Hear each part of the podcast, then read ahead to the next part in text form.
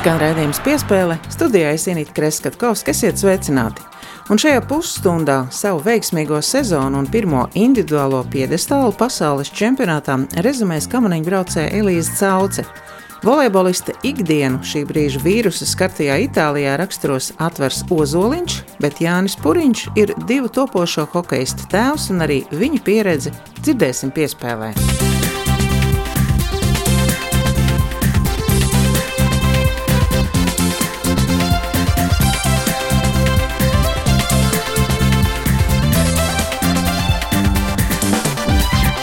Olimpisko spēļu pasaules čempionātu un Eiropas čempionāta medaļniece komandu stafetē Elīze Cauce līdz šim jau varēja lepoties arī ar izcīnīto sudrabu pirms četriem gadiem Eiropas čempionātā Altenburgā. Elīze ir trīs māsas, Maija Tīruma ir arī bijusi kamaniņu braucēja un olimpiete. Bērnībā Elīze dejojusi arī deju grupā dzirnas, tāpat arī trenējusies citos sporta veidos un izglītību ieguvusi Krimuldas vidusskolā, vēlāk arī Mūrjāņu sporta ģimnāzijā. Tajā pašā Soču trasē, kur Olimpiskajās spēlēs tika izcīnīta medaļa komandu stafetē, šī sezona atnāca līdz šim augstāko sasniegumu bronzas medaļu pasaules čempionātā sprintā un saruna ar Elīzu piespēles ievadā.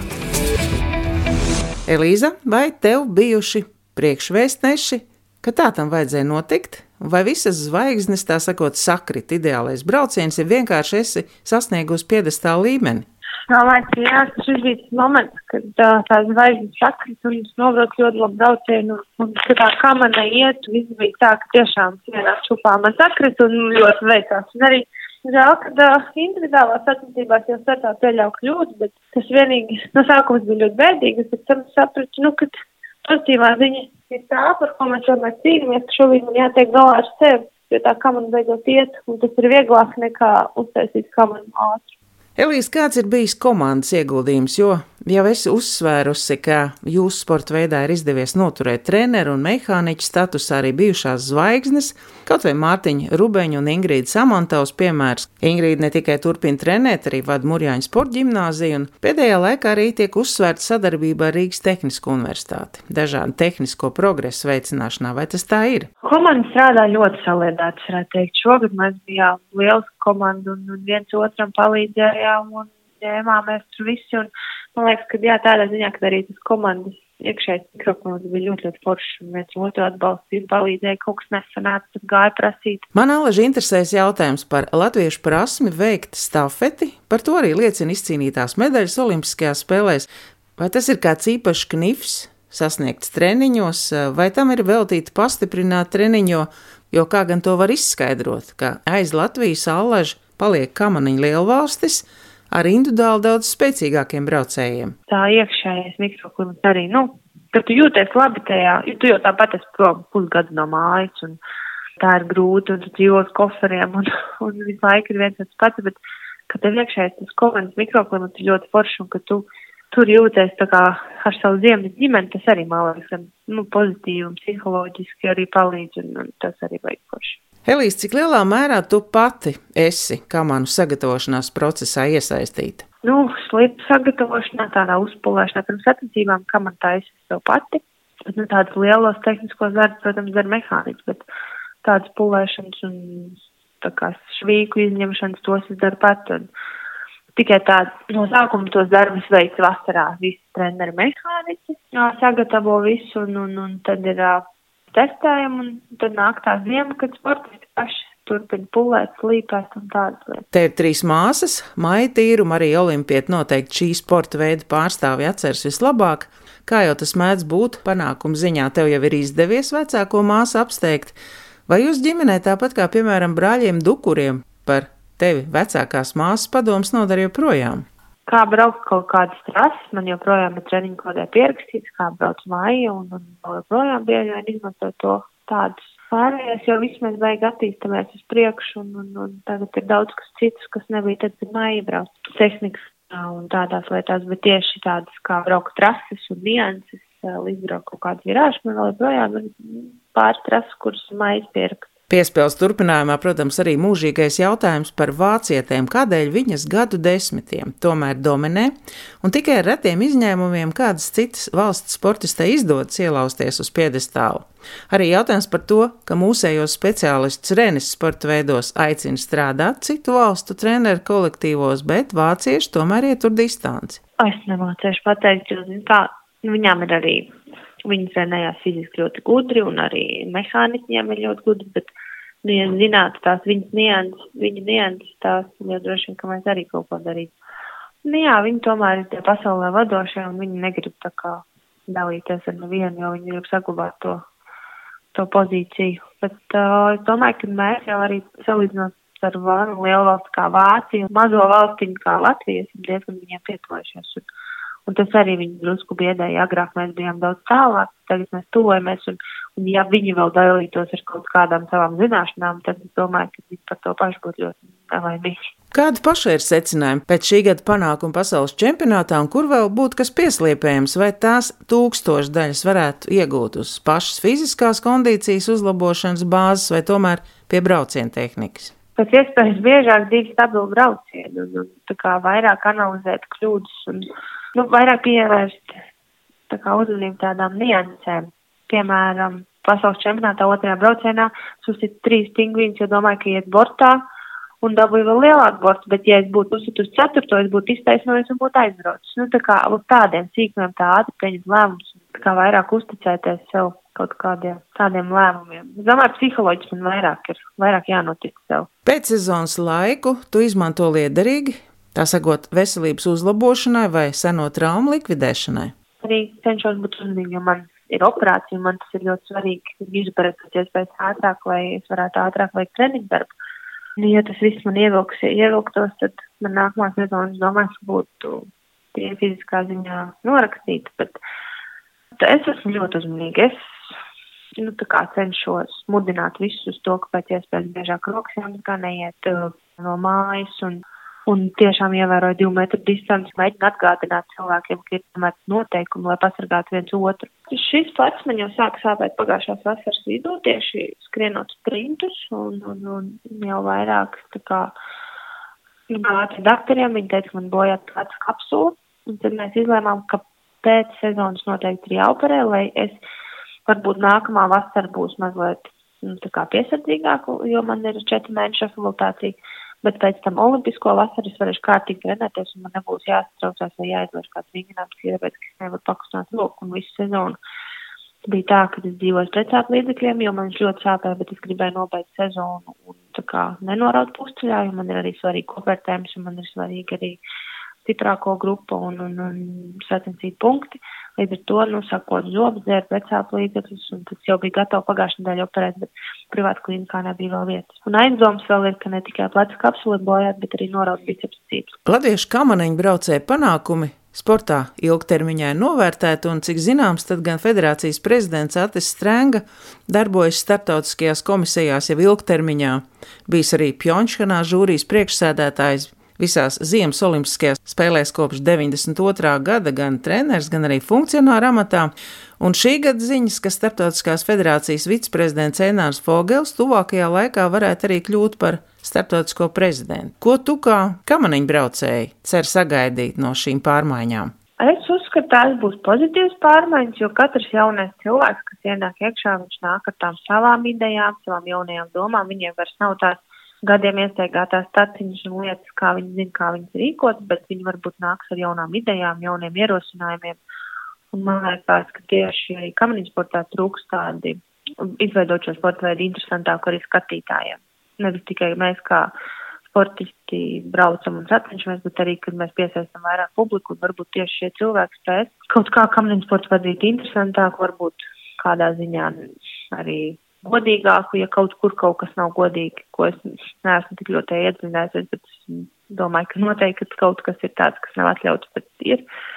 Un tad varbūt ar tādiem, ar jaunām asinīm, jaunām tādām idejām nāk cilvēku un varbūt kaut kas paliks citādāk. Paldies, Elīze! Sarunājos ar Elīzi Cauts pasaules čempionāta bronzas laureātu kamniņu sportā, lai tev arī veiksmīga rehabilitācija pēc operācijas un starptautiskie piedestāli arī nākotnē. Paldies! Ata. Tas ir ļoti pašsaprotami, kad Latvijas sauc, tad tur nav variantu. Tu vienmēr saki, ka jā. Es cenšos katru spēli palikt labāks, katru spēli augt. Tad, kad jau ir uh, sezonas beigas un, un starpsezona, tad tu vari palikt vēl labāks spēlētājs. Skan redzējums piespēle. Tagad dod vārdu kolēģim Mārim Bergam un sarunu ar volejbolistu atvaru Ozoliņu redzējumu turpinājumā. Kāpēc izvēlējies palikt Itālijā par spīti tam, ka valstī ir plaša epidēmija un bija visas iespējas atgriezties arī mājās? Izvēle īsti nebija. Es pagājušajā nedēļā vēl, bija pēdējā iespēja tikt mājās, ar menedžeru aprunājos, bet pat cik ļoti liela neziņa ir un lietas mainās pa stundām. Vēl tā cerība ir, kad varēsim atsākt aprīļa sākumā spēlēt, turpināt sezonu. Tad, Jā, tā tad palika. Nu, es arī tā neuzbāzos, kad uh, laižiet mani mājās, bet, bet tā kā es paliku šeit, jā. Pastāsti, kur tieši Itālijā tu dzīvo un kāda tur ir šī brīža situācija?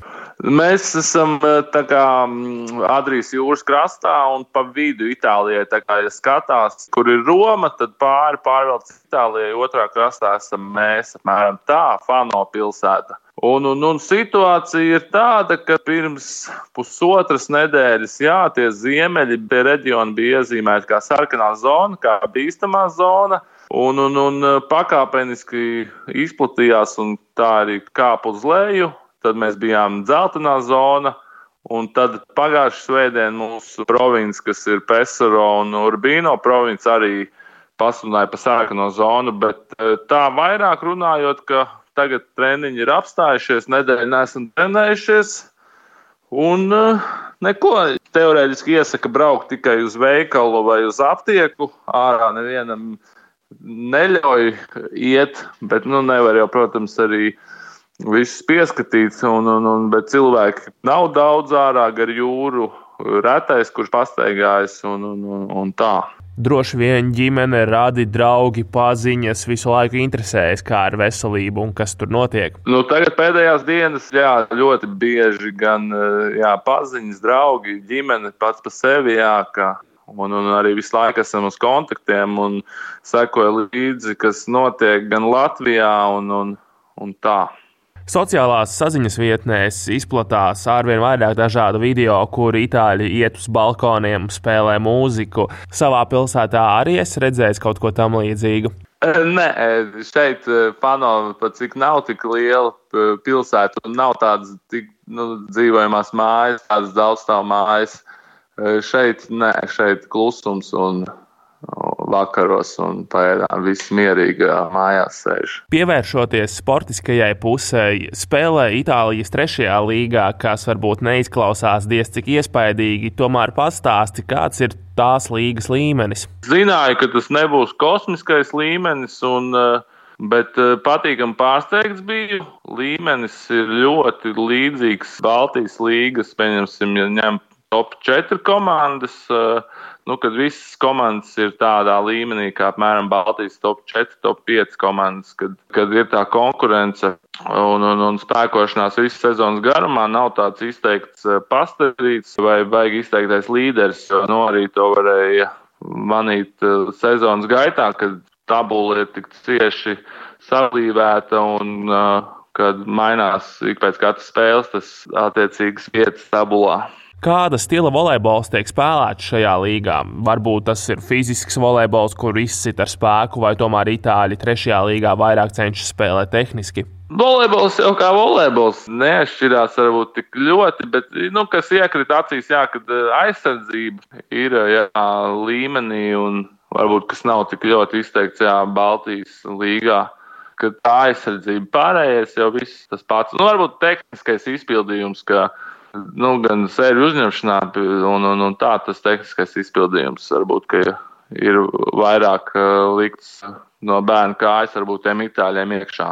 Tādas nianses. Kā ar dažādām sadzīviskām un organizatoriskām niansēm? Nu, skaidrs, ka augstāko līgu spēlētājiem viss ir sakārtots un viņi var domāt tikai par sportu, bet kā tas ir jums? Nu, neko sliktu nevar teikt. Organizēšanās un, un dzīvošana, un ēšana, lai gan ir pašam, bet uh, ir uh, pašam arī sava mītne, kur mazs divs dzīvoklīts, treniņi un mašīna ir, lai varu pats aizbraukt uz veikalu vai arī aizbraukt pakaļ draudzenei uz lidostu vai aizbraukt varbūt brīvā dienā kaut ko paskatīties. Un arī viss ekipējums, viss došanās uz spēlēm, un uh, viss ir līmenī. Jā. Dienvidē Eiropas valstīs mēdz būt problēmas ar spēlētāju algu izmaksām. Nu, tās mēdz kavēties, vai algas vispār netiek samaksātas. Kā ir Itālijas trešajā līgā un tavā gadījumā? Šeit es biju pirms es vispār parakstīju līgumu. Es sazinājos ar vienu Igaunu spēlētāju, kas bija Itālijā aizvadījis pagājušo sezonu. Viņam bija tāda situācija, jā, kā jūs sakat, ka nesamaksāja kaut kādas 40% no līgumā paredzētās summas, bet eh, šeit pagaidām viss ir bez aizķeršanās, un viss varbūt tur ir kādi divi, trīs dienu nobīdīt datumos, bet eh, visās eh, summās viss ir kārtībā. Jā. Nezinu, kā no tagad ietekmēs varbūt vīrusu vai kā, bet pagaidām viss ir jā, kārtībā. Nevaru neko sliktu teikt. Kā ar skatītāju interesi viņi nāk uz jūsu spēlēm? Mūsu spēlēs ir ļoti labi. Šajā pilsētā citi sporta veidi nav uh, baigi populāri. Tieši šeit tas volejbols spēlē lielu jomu. Jo mēs dalām zāli kā ar basketbolistiem, bet basketbols spēlē vēl zemākā līgā un, un neprofesionāli. Un tā kā uz mūsu spēlēm ir tribīnas pilnas, kādas 600, 500 cilvēki ir regulāri, gribētu teikt. Un, Bet citās ir, protams, arī tādās lielās pilsētās kā Turīna vai, vai Milāna, kur mēs bijām. Tur nav tik liela tā apmeklētība, bet šeit, tādā kā mazā pilsētiņā, ir jā, populāri esam. Kad jums tika paziņots, ka sezona tiek pārtraukta? Tikai pagājušā nedēļa, otrdien, jo pagājušā nedēļa vēl kas bija pat aizvadīja kaut, kas, kaut kādas spēles. Un mēs ne, jo mūsu pretinieku komandā, kas bija paredzēta spēle, bija pozitīvs viens spēlētājs ar koronavīrusu, un, uh, bet tikai pagājušajā nedēļā atcēla pārtrauca līdz 3. aprīlim, bet tagad par kaut ko nākotnē nezinu vēl, vai tur varbūt vispār atcels vai, vai vēl pārcels, nezinu vēl vairs neko. Kā to uztvēra paši spēlētāji? Jo nu, katram ir kaut kādi savi sportiskie mērķi, daudz cīnās par jauniem līgumiem nākamajai sezonai. Kā jūs uz to visu reaģējāt? Piesardzība visi, tā kā visi uzskata, ka tas ir labi. Nekad nevar būt pārlieku piesardzīgs. Un, un, uh, Man, protams, ja es par sevi runāju, bija tāds, ka gribējās pabeigt, un tik tuvu jau bijām tām sezonas beigām. Cerams, varbūt, ka pabeigsim vēl līdz vasarai. Citiem atkal, protams, ka es šeit esmu tagad viens, kad ir ģimenes, nu, vecvecāki, kas ir jāuzmana, un tāpēc tāds uh, pareizs lēmums šajā situācijā. Kā tad ir gājis šajā sezonā? Pats esi apmierināts ar savu demonstrēto spēli? Vienmēr var labāk, bet eh, ar sākumu bija ļoti apmierināts. Tad ap decembrī, janvāra sākumu bija nedaudz lejupslīde, bet tad, tagad līdz šim brīdim bija atkal formā, ticis ārā no bedrītes, un, un, un tad bija atkal apmierinoši. Pastāsti, kā ar iejušanos komandā un apkārtējā vidē? Nekāda problēma. Viņi ir ļoti draudzīgi un, un, un šeit es nezinu, nevaru runāt par citiem klubiem, bet šeit tieši tevi, jā, tā kā liela ģimene, visa organizācija ir un vienmēr rūpējās un apjautājās, kā jūtās, vai viss ir kārtībā un vai nevajag kaut ko palīdzēt.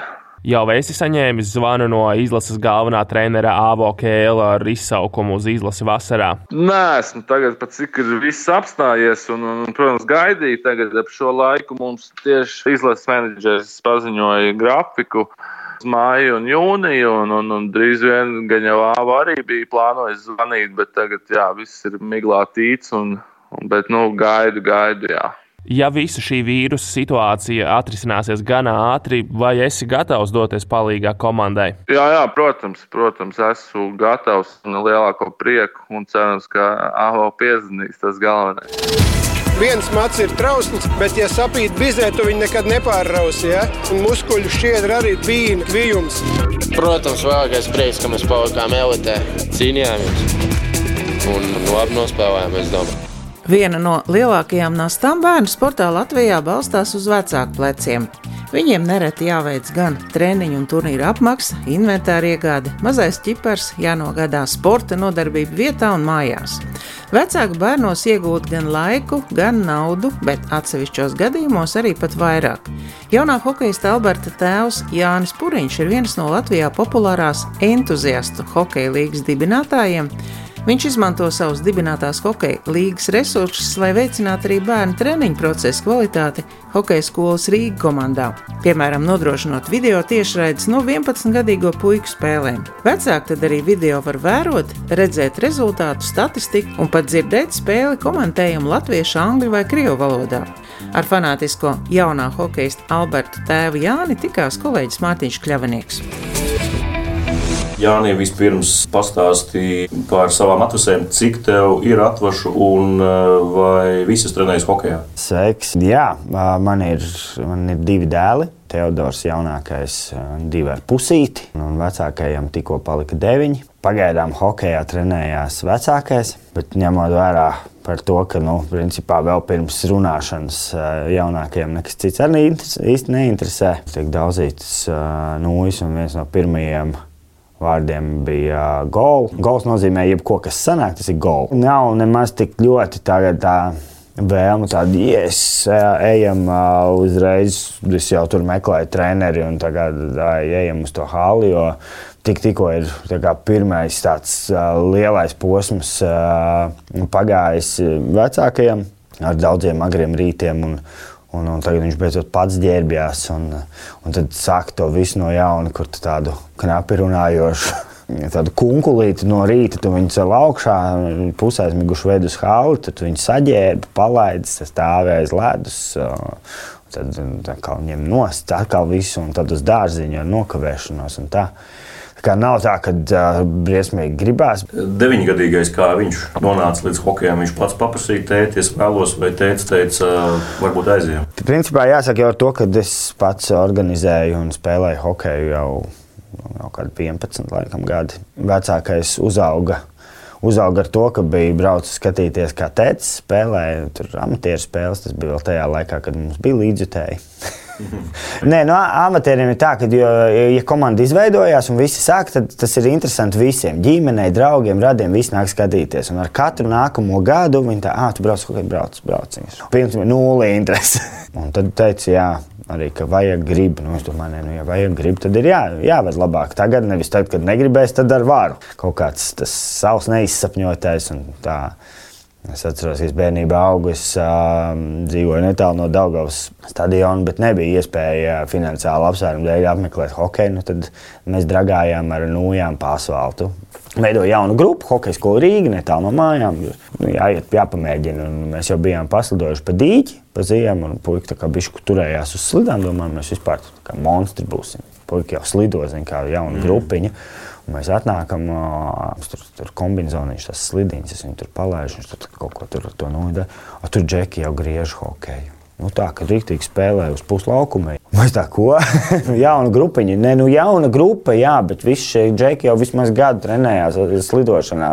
ir jau forši, ka tagad ir arī tie čempionāti, ir arī tiešraides. Tas jau ir tas mazais sapnis, ko tu pats nedabūji. Ja, man ir iespēja skatīties, kā dēls spēlē, eh, kā viņš iemet golu. Parādās uzraksts Alberts Pūriņš, 16. gols, piespēle. Ja. Viss, ko man vairāk vajag, man, protams, ka visiem ir kaut kāds tāds mazais sapnītis, tur kaut kāds NHL. Latvijas izlase, tur sēdēt arēnā, kad te parāda kubā, kā lepno tēvu, ja, jo tavs dēls tur iemet izšķirošo golu. Bet tas ir mazs sapnītis, kurš nu, viņam tas nav uzstādījums. Izmaksas mēnesī būs kādi simts kāpēciņu pārskaitījumos par skolu. Turnīri, vairāki turnīri gadā, jo vairāk turnīri, jo vairāk puikam ir pieredze, jo, jo labāks sniegums un, un, un vispār attīstībā arī tie, tie, tie turnīri ir kā pieredze arī no, no dzīves pieredze. Tev ir jātiek galā ar savām mantām, tu ceļo, tu kaut ko apskati, ir kaut kāds turnīru režīms. Ja? Trīs starptautiski sezonā, ja? nu, katrs kopā ar to, ka tev ir jāņem atvaļinājums, jābrauc līdzi vēl pagaidām, ja? tad katrs ap kādu 700 eiro, varbūt vairāk. Tad ir vietējā mēroga turnīri, tie ir lētāki. čempionāts, kurš principā nemaksā neko. Šķiet, pirms diviem gadiem es arī viesojos hokeja skolā Rīgā, runāju ar Kārli Vēntu, ar Jūru Ozolu. Jūras Ozols teica, ka ir vecāki, kuri pēc treniņa pēc tam to savu puiku paņem mazotē un saka, tā, tur tev piespēli nevajadzēja dot, tur tev to, tur tev to nedevalvē trenera autoritāti. Kaut kādā vecuma posmā es domāju, ka jā, bet tāpat laikā ir jāsaprot, ka treneris ir viens, tad ir viņa asistents un tad ir 30 puikas. Treneris nevar, pat ja viņš gribētu, ja viņš, un es ticu, ka viņš grib, viņš nevar pieslidot katram puikam un izstāstīt katru epizodi individuāli un pateikt, re, kur tur bija jādara tā, Tur nebija jādara tā. Protams, ka mēs visi tur esam beigie hokeja eksperti, bet patiesībā liela daļa no tiem vecākiem arī ir paši amatieri vai varbūt paši ir kādreiz trenējušies. Dažs labs ir šur tur uzspēlējis. Ja? Viņiem ir kaut kāda teiksim, sajēga par to hokeju. Tajā vecumā vēl ir labi, ka tu ar viņiem strādā, nu, un tad treneris teiksim, var palabot, ja tu esi viņam kaut ko pilnīgi stūbu pateicis. Ja? Pēc tam nu, viņš redz, ka tur pieslidot. Ja? Bet labāk, tā, tā informācija ir. Tagad uh, mums ir arī čempionāta spēles, mēs viņus uh, pašiniciatīvā filmējam. Lai gan treneris, gan, gan pēc tam varētu puik, ar puikām kopā arī vecāki noskatīties un paskatīties, panelizēt tās kļūdas. Un puikas tiešām arī kaut ko iemācās. Mēs vienkārši aizbraucām uz starptautiskiem turnīriem un tur filmē. Bet tālāk, jau, kad ir spēle uz lielā laukuma, mēs, un man ir resursi, jo entuziastu hokeja līgā, ko mēs organizējam, mums ir tiešraides. Mēs domājam, ka pēc nē, es no sākuma to piedāvāju vienkārši nu, tā tāpēc, ka manējais spēlē. Bet es aizgāju, jo gribēju vienu komandu, tad redzēju nākamā komandu. Un, un tagad mēs ar entuziastu digitāli filmējam jau U11, U13, U15 dažādām komandām. Ne visas spēles, bet dažas tiešraidē, dažas vienkārši nofilmējam. Dažām ir tiešraides ar atkārtojumiem, komentētājiem. Nu. Mm. Jā, mums ir arī ar diviem komentētājiem, gan angļu valodā, gan krievu valodā, jo ir Lietuvas komandas brauc. Un, un mēs organizējām viņiem komentētājus arī viņiem saprotamā valodā. Un tā tas, tas ritentiņš aiziet, jo tu jau redzi, ka no tā ir, ir jēga. No tā ir jēga arī no viens no iemesliem, kāpēc mums ir simtprocentīgs spēļu filmēšanu skaits entuziastu amatieru līgā. Ja, tas ir, kur ir vairāk kā tūkstoš spēles sezonā, tas ir kārtība. Jo skaidrs, ka tev ir tiesneša laukumā. Ja? Arī tiesneši var tur kļūdīties vai kaut ko neredzēt, ja? bet viņi arī ir tikai divi. Tas video ļoti disciplinē visus. Jo tu zini, ka ir lietas, ko tev gribētos izdarīt, bet tu nedari, jo tu zini, ka tev, nu, tu, tu nofilmēsi, un tu pēc tam dabūsi rīktīgi biksēm. Ja? Nu, tas pats ir arī bērnu hokeja. Nu, gadās, un puikām emocijas veļās pāri. Bija incidents vienam no komentētājiem izrādīja kaut kādas pretenzijas, viens no vecākiem, kas vienkārši beidzās neveiksmīgi vecākam, jo komentētāji tomēr paši ir hokejisti un diezgan spēcīgi puikas. Tas bija pēc, tieši pēc spēles, kur acīm redzot nebija apmierināti ar uh, spēles rezultātu, tad kaut ko prasīja, kā, kā, kāpēc filmē vēl kaut ko. Nu. Viespus Pozils, Latvijas Hokeja federācijas ģenerālsekretārs stāstīja, ka viņš, kad aizbraucis uz vienu turnīru, arī kā vecāks, redzējis, ka tur arī nu, vecāki ar autobusu atbraukuši, bet jau, jau svin pirms, pirms spēles, pirms bērni vēl ir, ir spēlējuši. Laikam tādi piemēri arī gadās. Tie noteikti nav labākie piemēri. Vecākiem tie turnīri savā ziņā ir atvaļinājums gan pārnestā, gan eh, nepārnestā nozīmē. Jo, lai aizbrauktu bērnam līdzi uz turnīru, tev ir jāizmanto savas atvaļinājuma dienas. Līdz ar to tas ir tavs atvaļinājums. Ja? Un kaut kā un katrs ar to savu stresiņu cīnās savādāk. Iekāpa autobusā, tu zini, ka tev atliek nākamā nedēļa ir brīva. Puika ir jānogādā līdz trenerim un atpakaļ. Ja? Nu, jau šajā vecumā viņam arī slīdes vairs nav jāsien. Jau var būt viņa pašā vaļā. Ir jau ir tādas mājiņticības, jo, jo labāk vecāki vakarā pasēž, jo nākamā dienā bērni labāk spēlē. Tāda saliedētība jau veidojās arī tajā viesnīcas lobbyā. Nu, skaidrs, es, es negribu tur tēlot nekādu svēto, no es pašam ir sanācis iekāpt autobusā, atkurtie tāliņi. Nu, ir nu, galvenais, kad kontrolēt to savu uzvedību tā, lai uh, tavam bērnam pašam nav kauns par tevi. Nav tā, ka te nav pilnīgi iespējas izaugt, bet tev ir daudz uh, grūtāk tikt pamanītam. ja tu neesi jau tajā sistēmā. Ja tu esi tajās sistēmās, skolās, tu visu laiku eh, figurē kaut kādiem skautiem, kaut vai uz papīra, Excel tabulā, viņi jau var paskatīties, ah, šī taisa džeks, met tur golfu aizbraukt, paskatīties. Ja? Nu tā, te tev ir tādā gadījumā jāmet, tev ir jābūt absolūti labākajiem no visiem. Un arī tad nav iespēja, ka tur džeks paskatīsies, ah, tur kaut kāds džeks kā, kaut kādā MHL kaut ko baigi met. Moška skatīsimies, moška nē.